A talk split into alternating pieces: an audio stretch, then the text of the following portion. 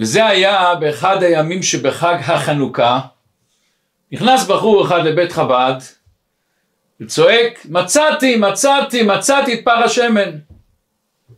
אני מכיר את הבחור הזה הוא היה ארכיאולוג בארץ ירד מהדרך לגמרי לגמרי התבולל היה שייך לקבוצת מורמונים. אצלנו באנטוורפן מחוץ לעיר יש להם מרכז מאוד גדול. לא רצה לשמור על הנחת תפילין לא רצה לשמור על שבת שום דבר ופתאום הוא נכנס, מצאתי את פח השמן, מה פח השמן, איפה מצאת אותו? ואז הוא מספר. השכן שלו ממולו ממש, יהודי שעבר את השואה ונהיה ממש אנטי דת אפיקורס. אשתו דווקא יהודייה, הבן ממש בהשגחה גם מתחתן עם יהודייה, לא מצד אידיאולוגיה סתם, ויש להם נכד, והנכד מתחנך אצל הסבא. ואז הוא אומר, אני רואה פעם בחנוכה, אני רואה ממולי בבית של אותו אפיקורס הזה, הניצול שואה, דולקת בחלון חנוכיה. מאיפה זה בא לו כזה דבר? החלטתי אני עולה אליו, נכנסתי הביתה, דפקתי בדלת אצלו, ואז הוא מספר לי את הסיפור. הייתי במרכז היהלומים באנטוורפן. הדליקו שם חנוכיה גדולה. בא ראש העיר, משטרה, שרים, הרב הדליק את המנורה, זה היה ממש כזה דבר נפלא, לא ראיתי את זה. ונזכרתי בזמנים שלי. ומי חלם שהראש העיר הוא בא זוכה להדליק את השמה של המנורה, ומשטרה שומרת עליהם. נדלק לי משהו. ונשפכו לי דמעות מהעיניים.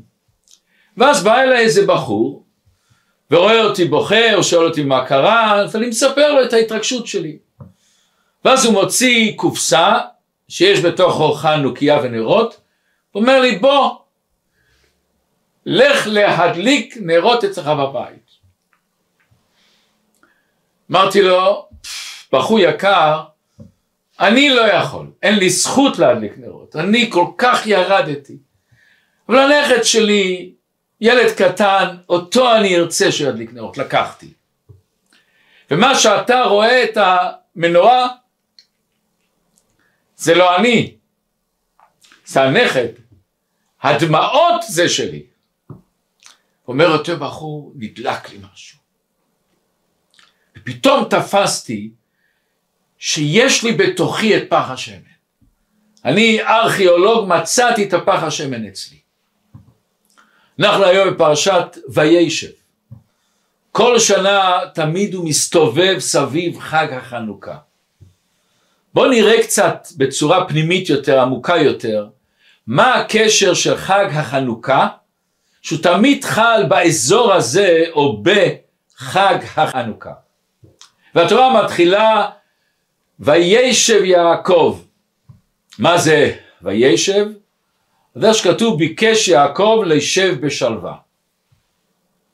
ואז כתוב שקפץ עליו רוגזו של יוסף. הקדוש ברוך הוא אומר לו אתה רוצה לישב בשלווה, קפץ עליו רוגזו של יוסף. כאן באה השאלה העצומה למה? מה יעקב חטא? הוא מבקש מהקדוש ברוך הוא, מה הצדיק רוצה שלווה?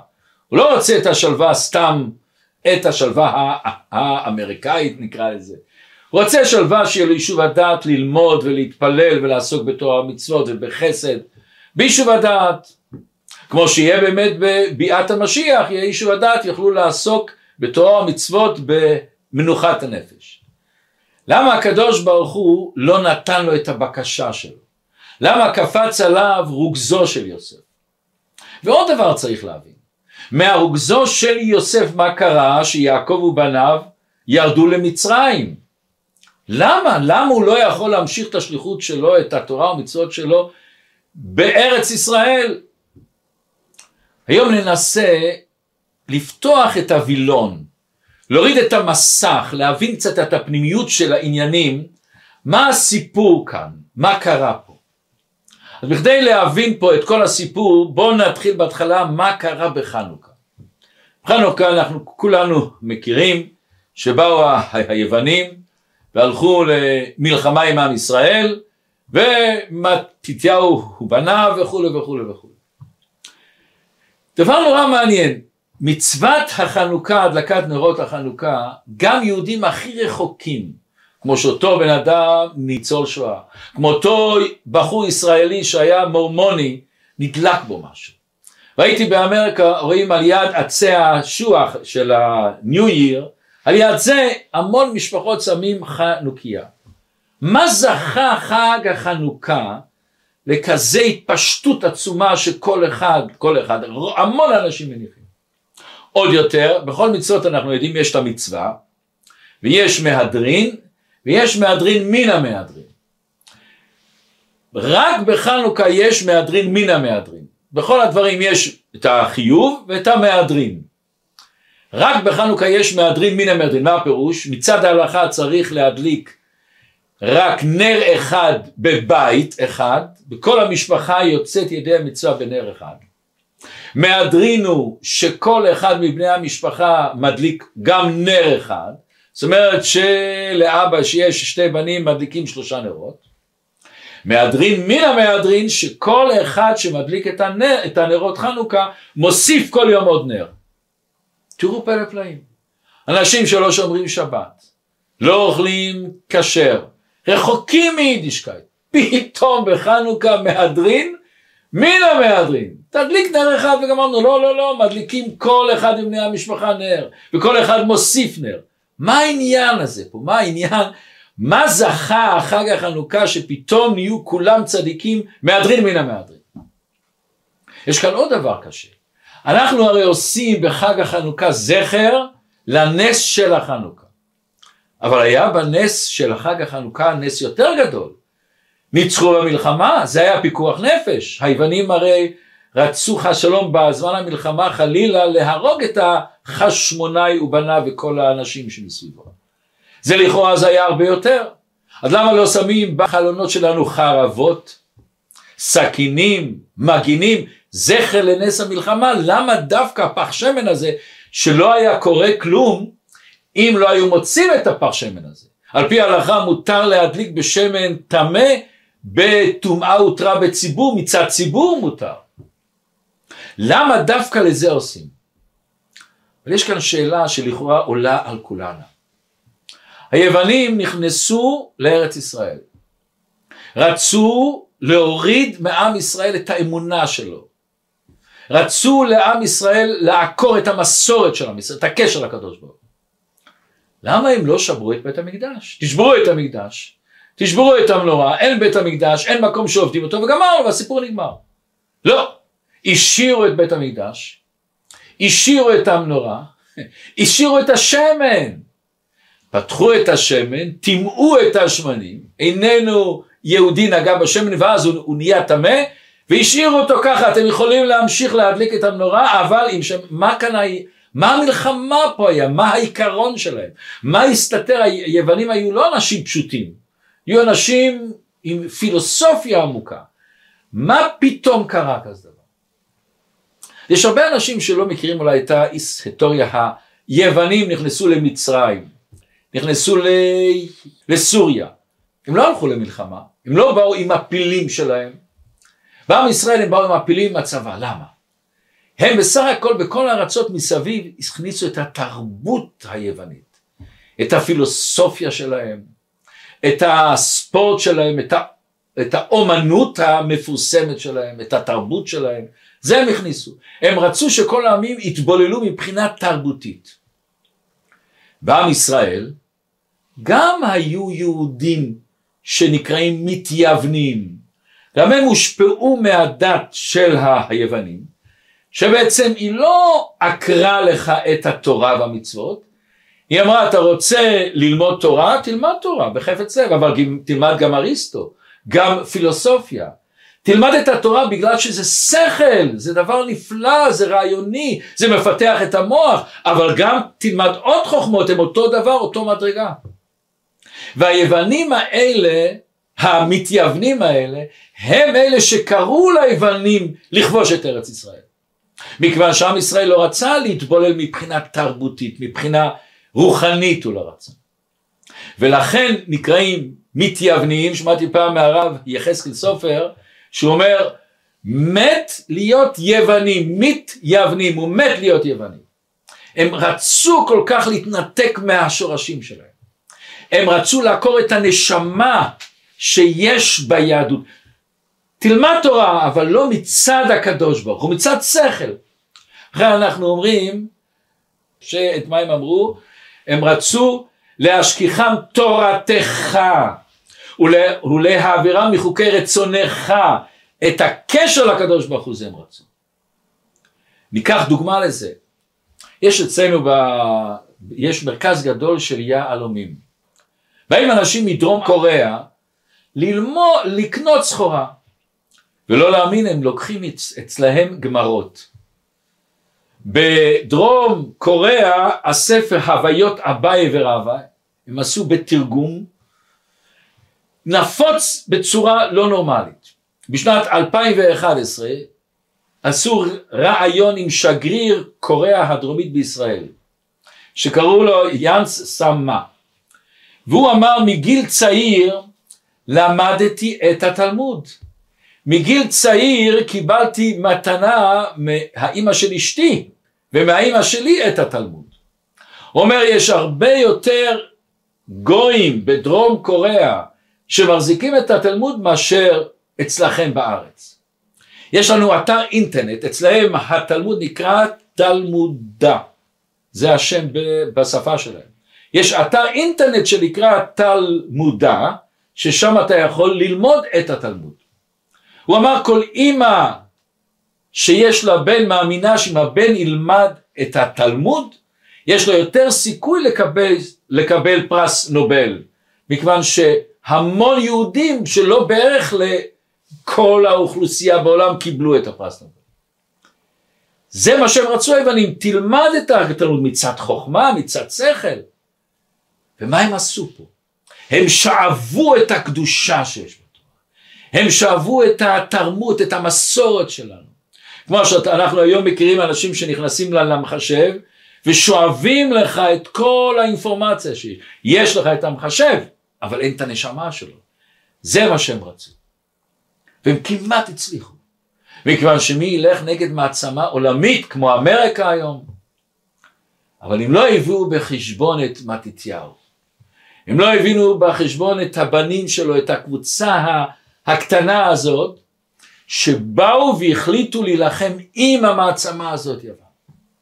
עכשיו בוא נחשוב, מה נתן למתתיהו ולבניו את הכוח הזה להילחם? איך הם, מה הם חלמו? איזה סיכוי יש להם להילחם במעצמה כזו גדולה? דבר ראשון, לפעמים אתה לא חושב, אתה בוער לך בלב, אתה עושה משהו. אבל יש כאן עוד דבר.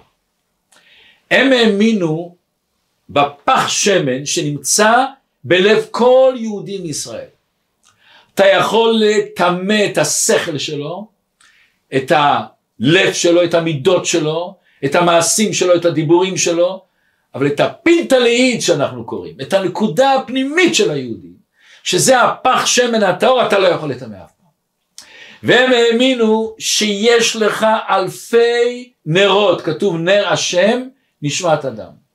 יש לך אלפי נרות אבל הם לא דלוקים, כי מכבים אותם. הם האמינו ברגע שאנחנו נצא למלחמה, ברגע שאנחנו נקרב את האש שיש בנו לאותם נרות, הם ידלקו. ובא מתתיהו, ונתן את הקריאה המפורסמת, מי להשם אליי. וכמו שיוסיפון בספר שלו אומר, מה, מה היה הצעקה שלו? מי בכם עמי, מי להשם אליי.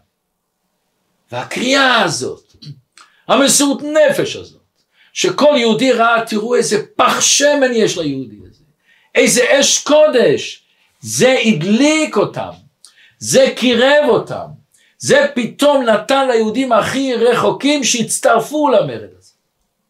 זאת הייתה המלחמה, זאת הייתה המלחמה. המלחמה הייתה על הפח שמן הטהור. מה שהיוונים רצו שנדליק בשמן, אבל טמא, למה? מה ההבדל בתרבות בין שמן טהור אל אותו השמן טמא? הם מבינים שצריכים להדליק נרות, להבדיל גם במקדשים שלהם של עבודה זרה גם הדליקו נרות. עד היום במוסלמים, באסלאם גם מדליקים נרות. בבודה מדליקים נרות. תדליקו נרות, אין לי שום בעיה. גם לכם יש בית מקדש, גם לנו מקדש. אבל אל תכניסו את הקדוש ברוך הוא בפנים. זה מסורת, זה נחמד, זה מרגש. טהור וטמא זה מוסד אלוקי. טהור וטמא הוא לא מוסד תרבותי. הם רצו לעקור את הנשמה שביהדות. לכן אנחנו עושים דווקא זכר לנס השמן ולא למלחמה, מכיוון שמה היה שורש המלחמה? מה הבסיס, מה המקור שלה? ממה היא נבעה? היא נבעה מהמלחמה על הפח שמן הטהור. ברגע שאתה מאמין בפח שמן הטהור, אתה הולך למלחמה. והם הצליחו. אותו קבוצה קטנה הם הצליחו. ולכן אנחנו עושים זכר לפח השמן, המלחמה בעצם הייתה לפח שמן שנמצא אצלנו. ואני אספר לכם סיפור. לפני זמן הייתה פה אישה עם בעלה, האישה יהודייה, בעלה איננו יהודי, ושניהם הם שרים באופרה. האישה האמריקאית שגרה בגרמניה רחוקה מיהדות לגמרי. והיא הולכת ברחוב באנטוורפן ורואה יהודים עם זקנים, עם פאות, הדליק לה משהו. כנראה היא נזכרה בעבר שלה, בסבות שלה. הדליק לה משהו. אז היא עוצרת מישהו ברחוב ואומרת לו, אתה יכול בבקשה להפגיש אותי עם איזה רב, רביי? אז הוא אומר כן בבקשה. הוא הפגיש אותה עם הרב שטרנבוכט זיכרונו לברכה, שהיה פה דיין בקהילה של הרב קרייזווירט. והוא שוחח איתה ודיבר והיא מספרת לו שהיא בהיריון אבל יש לה ספק מה לעשות להבא מכיוון איפה היא תעשה ברית, איפה היא, יש לה ספק האם להמשיך את זה הלאה. ומי שזוכר את הרב שטרבוך, זיכרונו לברכה, היה חם מאוד, ומיד אמר לה, אני לוקח את זה על עצמי, אני אעשה את הברית מילה, אני אסדר לך את זה, הכל אני אסדר, אין שום בעיה. ואז הרב שטרבוך מתקשר לאשתי, ואומר לאשתי, אולי תעשי את הקשר, תדברי איתה, בשמחה. ואז אשתי מזמינה אותה אלינו לשבת. אנחנו מתחילים את ארוחת שבת, אז הסדר תמיד באים אנשים רחוקים, מסבירים להם כל דבר, מה זה השלום עליכם, ומה זה אשת חיל, ומה זה לחם משנה, ומה זה קידוש, ומה זה יין, כל ההשתלשלות. מדברים, מדברים, מסבירים, מסבירים, ואז אומרים, הולכים, עשינו את הקידוש, הולכים לנטילת ידיים. מה זה נטילת ידיים? הסבירו לה. ואז היא עושה את הנטילה, ואז אשתי אומרת לה, עכשיו עושים ברכה. היא עושה, מה זה? אז אשתי מתחילה להגיד, ברוך אתה, אה, אני יודעת. ברוך אתה, והיא ממשיכה, השם אלוקינו מלך העולם, אשר קידשנו מצווה וציוונו להדליק נר חנוכה. וכל הילדים מתאפקים לא לצחוק. אחרי המוציא שעשינו את הברכה על המוציא, שואלים אותו מה זה. אומרת אצלנו בבית לא שמעו שום דבר, רק חנוכה. כשאתם אומרים ברכה, אני יודעת מה זה ברכה, הברכה היחידה שהיה לה מושג מה זה להדליק נר חנוכה. מאיפה זה בא, מאיפה זה בא נר חנוכה? זה שמתתיהו בניו הדליקו את הניצוצות הפנימיים של כל אחד מישראל. הדליקו את הפח שמן הזה. זכה נר חנוכה הזה כל כך להתפשט בעם ישראל, זה יש את הניצוץ, את הפח שמן הטהור לכל אחד מישראל. ולכן דווקא בזה אוסרים מהדרין מן המהדרין. בלי שכל, לפי השכל תעשה מה שאתה חייב, זה לא מה שאני חייב. זה מה שאני מרגיש, אני מרגיש להיות מהדרין מן המהדרין. אבל כמה שנת... כשנרצה להתעמק בתוך זה, לתוך הפח שמן הזה יש היסטוריה ארוכה. הוא לא דווקא התחיל אצל החשמונאים. בשבוע שעבר למדנו שיעקב בא עם כל המשפחה שלו ועשיו בא לקראתו, הוא העביר את כולם את, את המעבר היבוק ואז הוא חוזר בחזרה לקחת משהו. אומר הקמרא, הוא שכח פחים קטנים.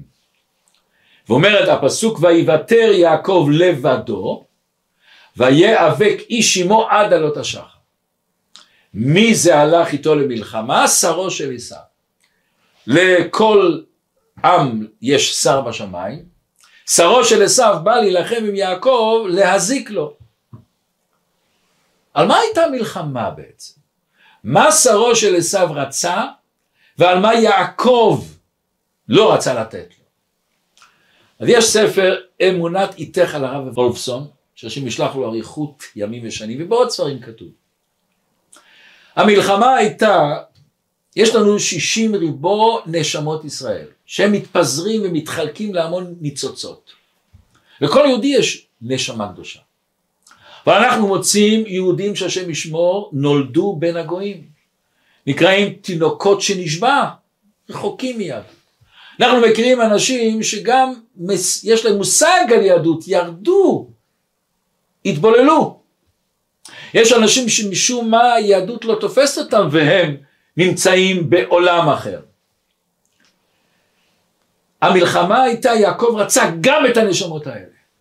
הוא לא רצה דווקא את הנשמות ששומרים שיעורי תורה כמו שאנחנו פה, אלה שקשורים באיזושהי צורה, אחד פחות, אחד יותר, שקשורים אל התורה, אל המצוות, לקדוש ברוך הוא, לעם ישראל, לשורשים שלנו. הוא רצה גם את הנשמות הנופלות האלה.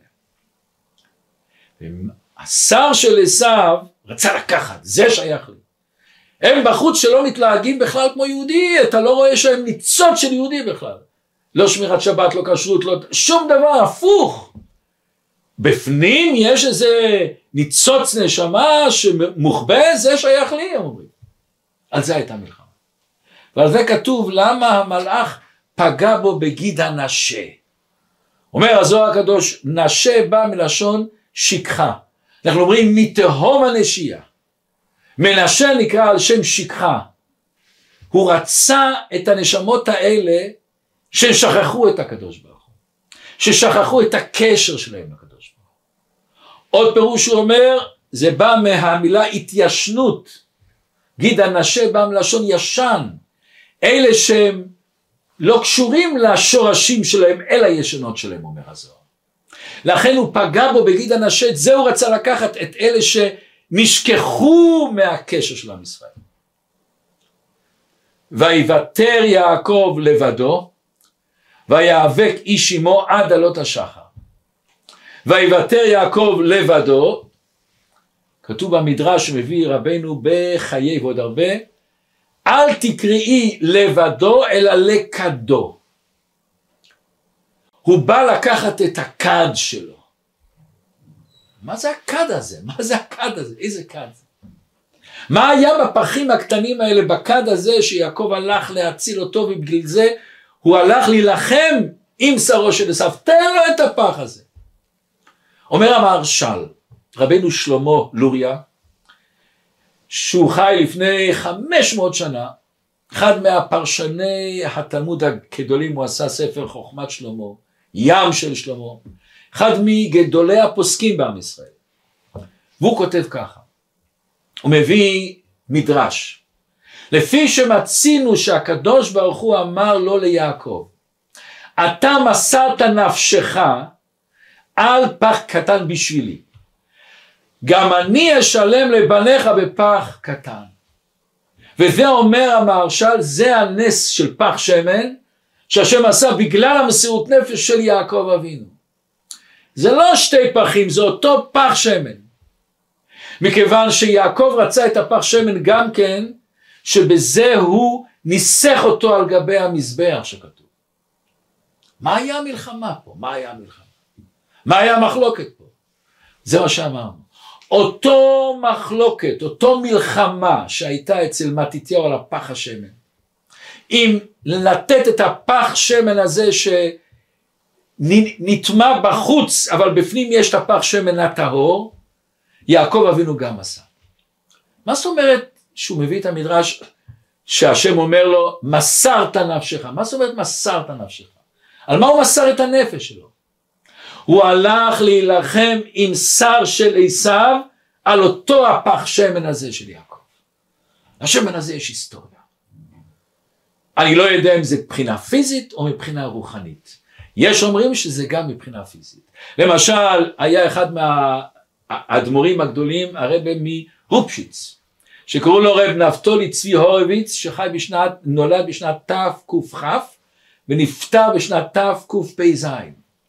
הוא כותב שזה היה עבודת יעקב להמשיך את נס חנוכה.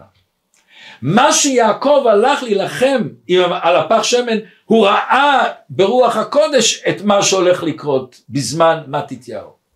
והוא פיחד שחס ושלום הולכים לאבד כזה ציבור גדול של עם ישראל שהפח שמן שלהם בחוץ נטמע אבל בפנים הוא נשאר טהור, על זה הוא הלך למלחמה. זה ויוותר יעקב לבדו להילחם על המסירות נפש, על הנשמות הנופלות האלה. ואותו דבר כותב גם הרבי מחצנץ. ויש אומרים שזה הפירוש שאנחנו שרים את המעוז צור. אנחנו אומרים ומנותר קנקנים נעשה נס לשושנים. מה זה מי נותר הקנקנים? מהנותר הקנקנים של יעקב אבינו מזה גרם שנעשה נס לשושנים. זה פעל עליהם את הנס השושנים. אבל זה לא תיאורטי. לכל אחד מאיתנו יש זמנים שהוא נופל. יש זמנים שהוא נכלל בתוך הנשמות הנופלות האלה. שהיצר הרע תפס אותנו, הנפש הבהמי תפס אותנו, נכנסנו לאיזה רפיון, לאיזה קרירות, ואנחנו מרגישים יבשים, ואנחנו לא יודעים איך נצא מזה, איך נתרומם מהדבר הזה. בא הקדוש ברוך הוא ואומר לנו תמיד יש לך את הפח השם תמיד יש לך את הנרות החנוכה האלה. והנרות החנוכה אנחנו רואים כמה שזה מתפשט בכל העולם. יש בך את הנר שמן הפח השמן הפינטלי תדליק אותו. תאמין בעצמך שאתה תמיד יכול לחזור לעצמך. לכן הפח שמן הזה הנס הזה של חנוכה כל כך מתפשט להגיד לכל יהודי בעולם יש בך את הפח שמן. יש לך את האוצר הנפלא הזה לצאת מכל המצבים שיכול להיות. עכשיו נחזור לפרשת וישב. אנחנו שאלנו למה יעקב אבינו שביקש לשבת בשלווה קפץ עליו רוגזו של יוסף והוא התגלגל למצרים. למה הקדוש ברוך הוא לא עשה שיישאר בארץ ישראל בארץ הקודש? ופה נראה ביאור שמוסבר בחסידות בהרחבה. למה יעקב ירד למצרים? בואו נקרא איזה אור החיים שמסביר מאוד שכל הסיבה שיעקב התגלגל למצרים לתת כוח להעלות את ניצוצות הקדושה בנשמות הנופלות.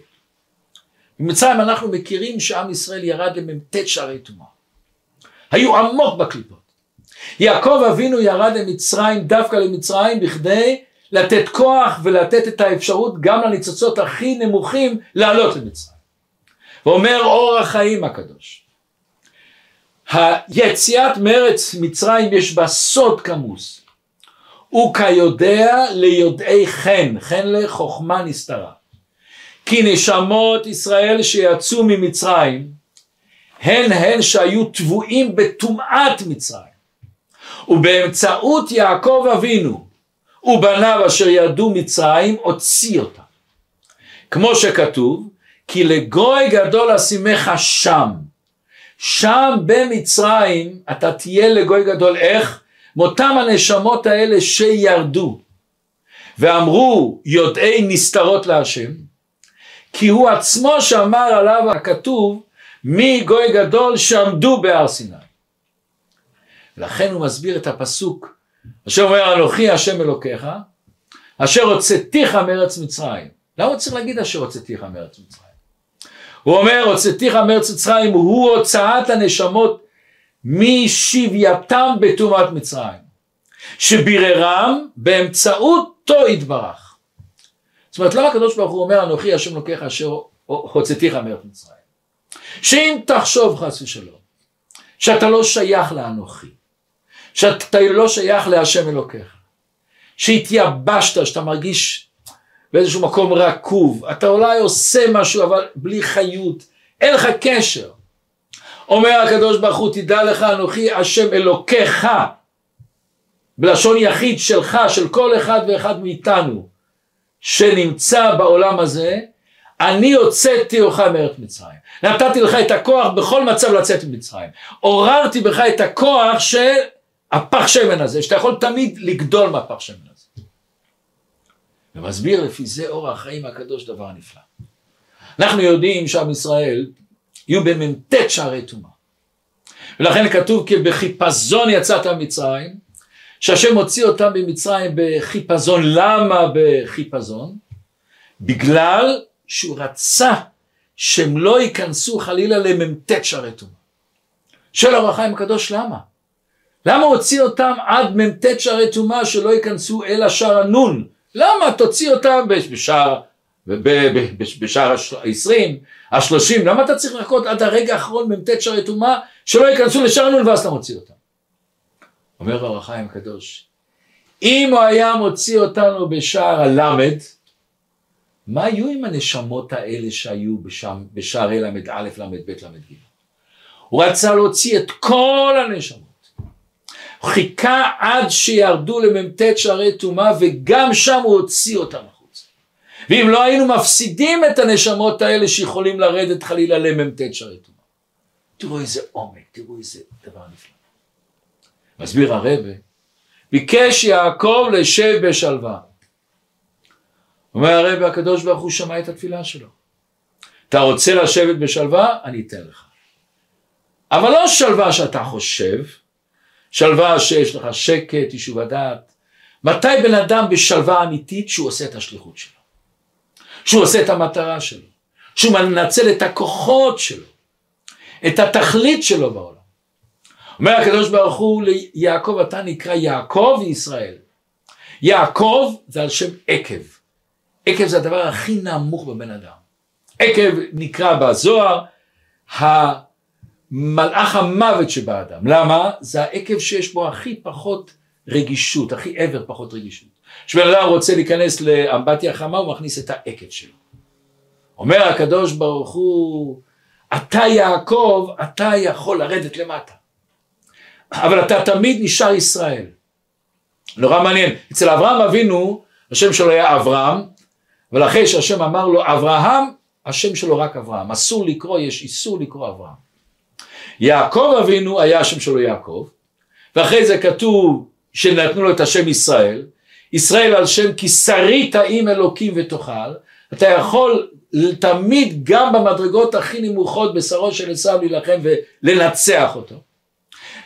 ישראל זה באותיות לי ראש, ישראל זה ראשי תיבות יש שישים אותיות, יש שישים ריבו אותיות לתורה, זאת אומרת ישראל יכול להיות במדרגות הכי גבוהות ולרדת לעקב ולהרים אותו. אומר הקדוש ברוך הוא, לך יש כוח נפלא.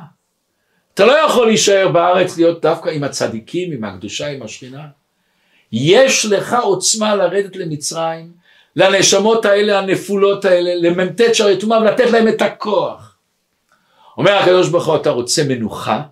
אתה רוצה באמת להרגיש שעשית את התכלית שלך? קפץ עליו רוגזו של יוסף וירדת למצרים. עכשיו תראו איזה יופי. שהוא ירד למצרים כתוב ויחי יעקב בארץ מצרים. שם הוא הרגיש את החיות, שם הוא הרגיש את החיים שלו. אומר בעל הטורים אז היו לו ימים טובים בלי צער, אומר בעל הטורים. דווקא בארץ מצרים, השבע עשרה שנה האלה. שם הוא הרגיש את התכלית שלו. הוא ביקש להישב בשלווה, אשר נתן לו את השלווה, את החיים, את דווקא את החיים שאתה יורד למצרים ואתה מגלה את הכוחות שלך לזכך את הניצוצות של הקדושה, שם תרגיש את השלווה האמיתית. וזה מה שיש לנו. לכל אחד יש לנו בנו את היעקב ואת הישראל שבנו. ולכל אחד גם אם הוא, הוא מרגיש מבחינת עקב, תמיד תדע שיש לך את העוצמה הזאת של ישראל לרדת לעקב להרים את העקב. לפני כמה שנים יש לנו מרכז קניות כמו שבארץ קניונים גדול מאוד, שלושה בתים גדולים, שנקרא ויינגר. זה מחוץ לעיר, מקום מאוד יפה. אז מישהו בא אליי, זורק רעיון, אולי נעשה שם הדלקת נרות חנוכה. אנחנו עושים בהרבה מקומות, בבורסה, במרכז העיר, בעוד מקומות, בואו נעשה שמה. אוקיי, מיד התקשרו ועשו פגישה עם המנהל הכללי, מהבעל הבית. נכנסים אליו, ואז אנחנו אומרים לו, אנחנו רוצים להדליק חנוכיה גדולה בעיר, בקניון שלך, הוא אומר בשמחה.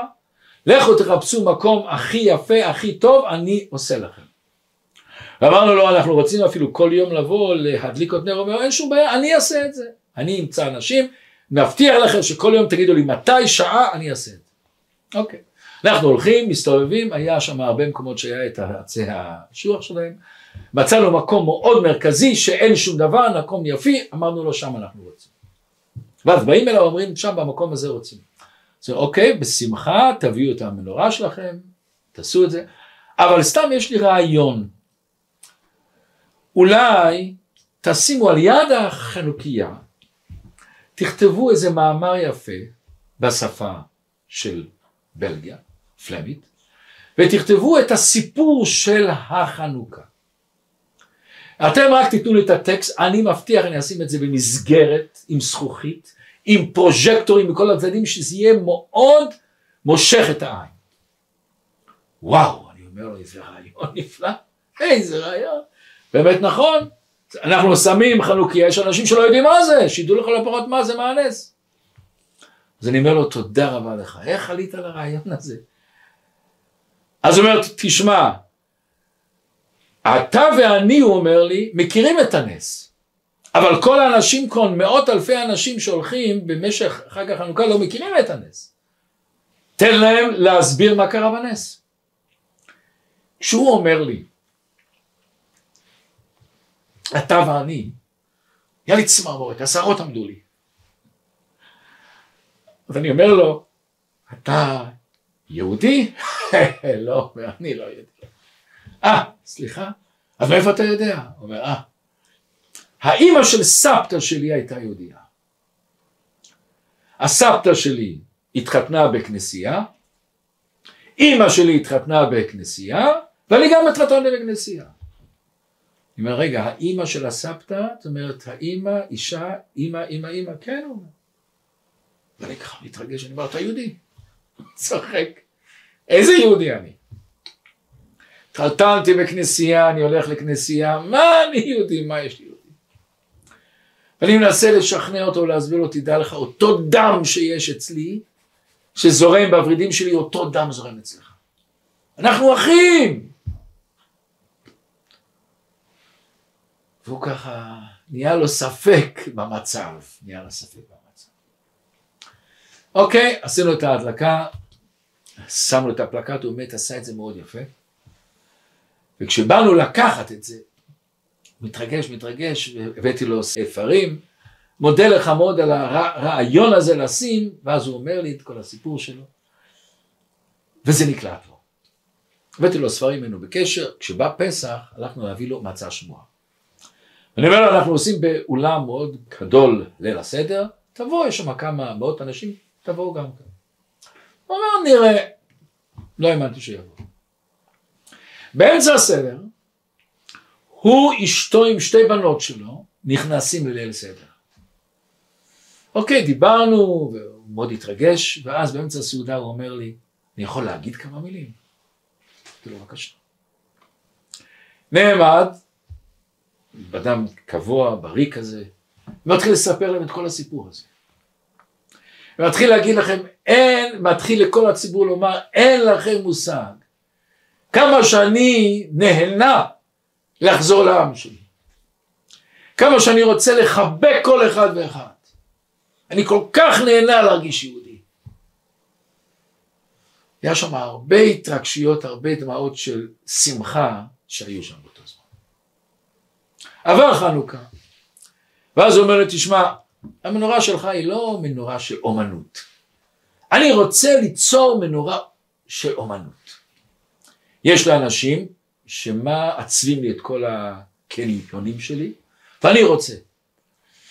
ואז הוא בירר, זה צריך להיות באותו שורה, ואיפה להיות השמש, הכל הכל הכל.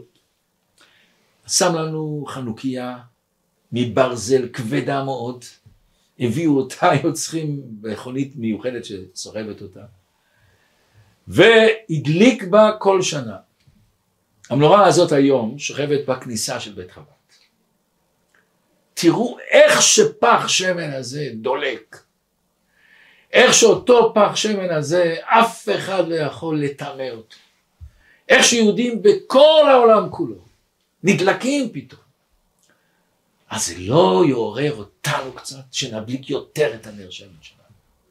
ששם ישלח בקרוב ממש את המשיח, וכמו שאנחנו מכירים את הרמב"ן המפורסם, שנרות חנוכה לא בטלות לעולם. יהיו דברים שיהיו בטלים, אבל נרות חנוכה ידלקו גם בזמן של ביאת משיח, בזמן שיהיה לנו את בית המקדש. שהשם ישלח לכולנו את אור החנוכה, את שמחת החנוכה, את הטהרה שבחנוכה, ונזכה בקרוב ממש לביאת משיח.